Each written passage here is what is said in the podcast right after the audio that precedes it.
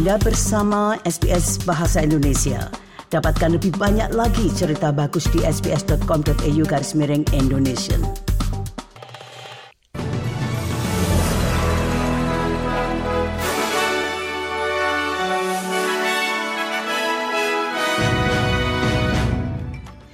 Warta berita SBS Audio untuk hari Rabu tanggal 13 Desember.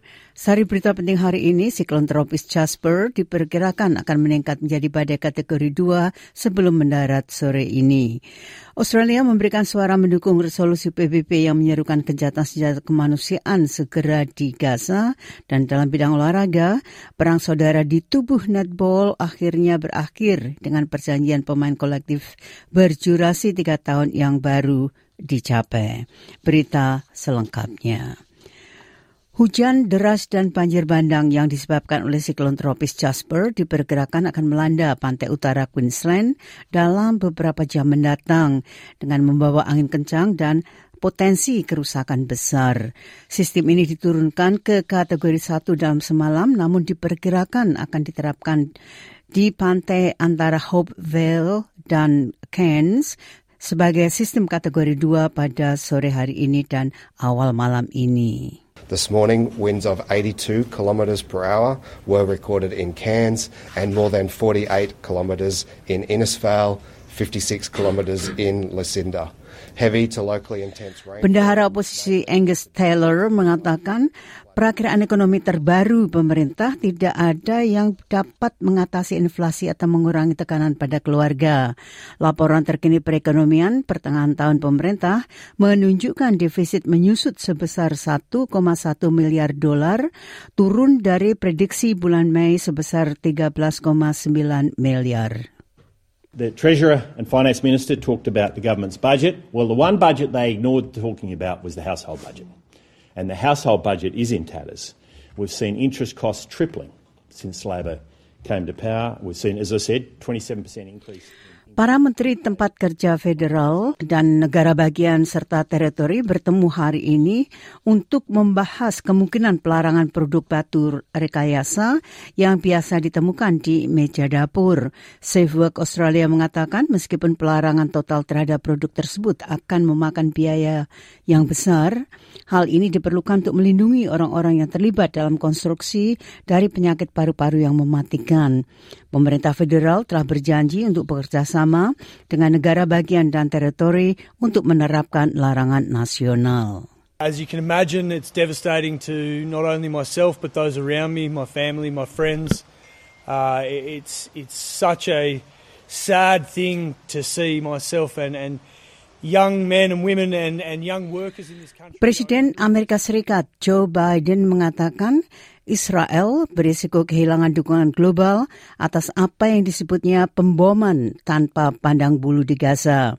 Pernyataan tersebut disampaikannya kepada para pendukungnya pada acara penggalangan dana tertutup dan berbicara dengan bahasa yang sangat keras hanya beberapa jam sebelum PBB menuntut gencatan senjata kemanusiaan.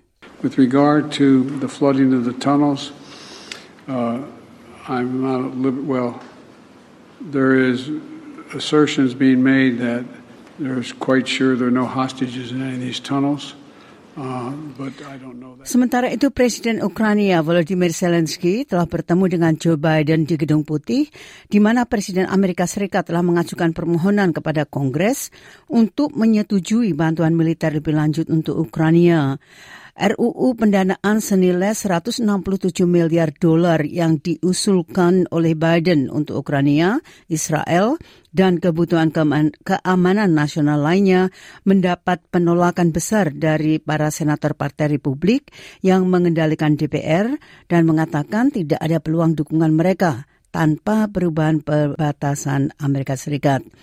Presiden Joe Biden mengatakan warga Amerika harus bangga atas peran mereka dalam mendukung keberhasilan Ukraina. We'll continue to supply Ukraine with critical weapons and equipment as long as we can, including $200 million I just approved today in a critical needed equipment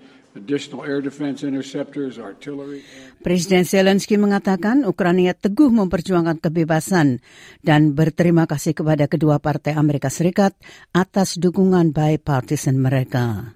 Mr. President, thank you very much for your supporting, supporting us. And in these areas, like our victory in the Black Sea, we aim to win the air battle.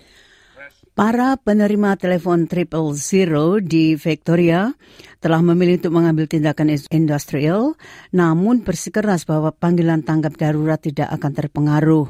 Mulai hari Senin 18 Desember, para pekerja akan mengenakan seragam, berhenti melaporkan atau merekam kode alarm palsu, dan menyampaikan pesan serikat pekerja melalui radio.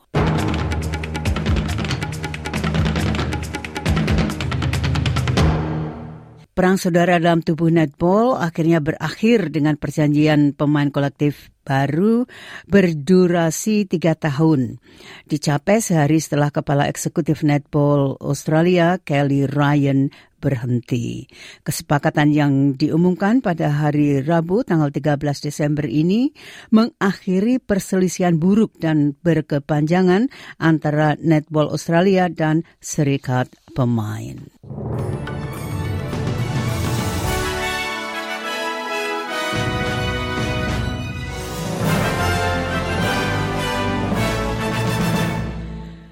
Nah sekali lagi sari berita penting hari ini, siklon tropis Jasper diperkirakan akan meningkat menjadi badai kategori 2 sebelum mendarat sore ini.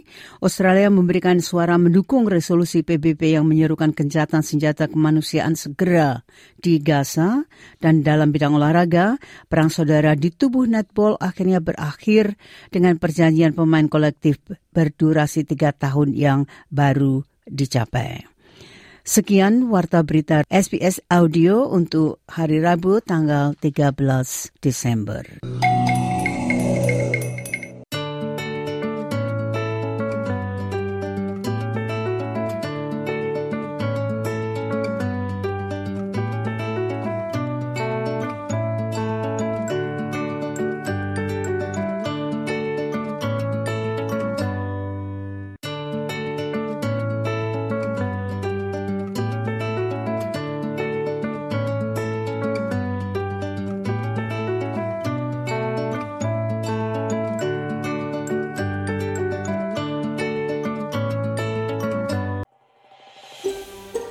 Anda ingin mendengar cerita-cerita seperti ini? Dengarkan di Apple Podcast, Google Podcast, Spotify, atau di mana pun Anda mendapatkan podcast Anda.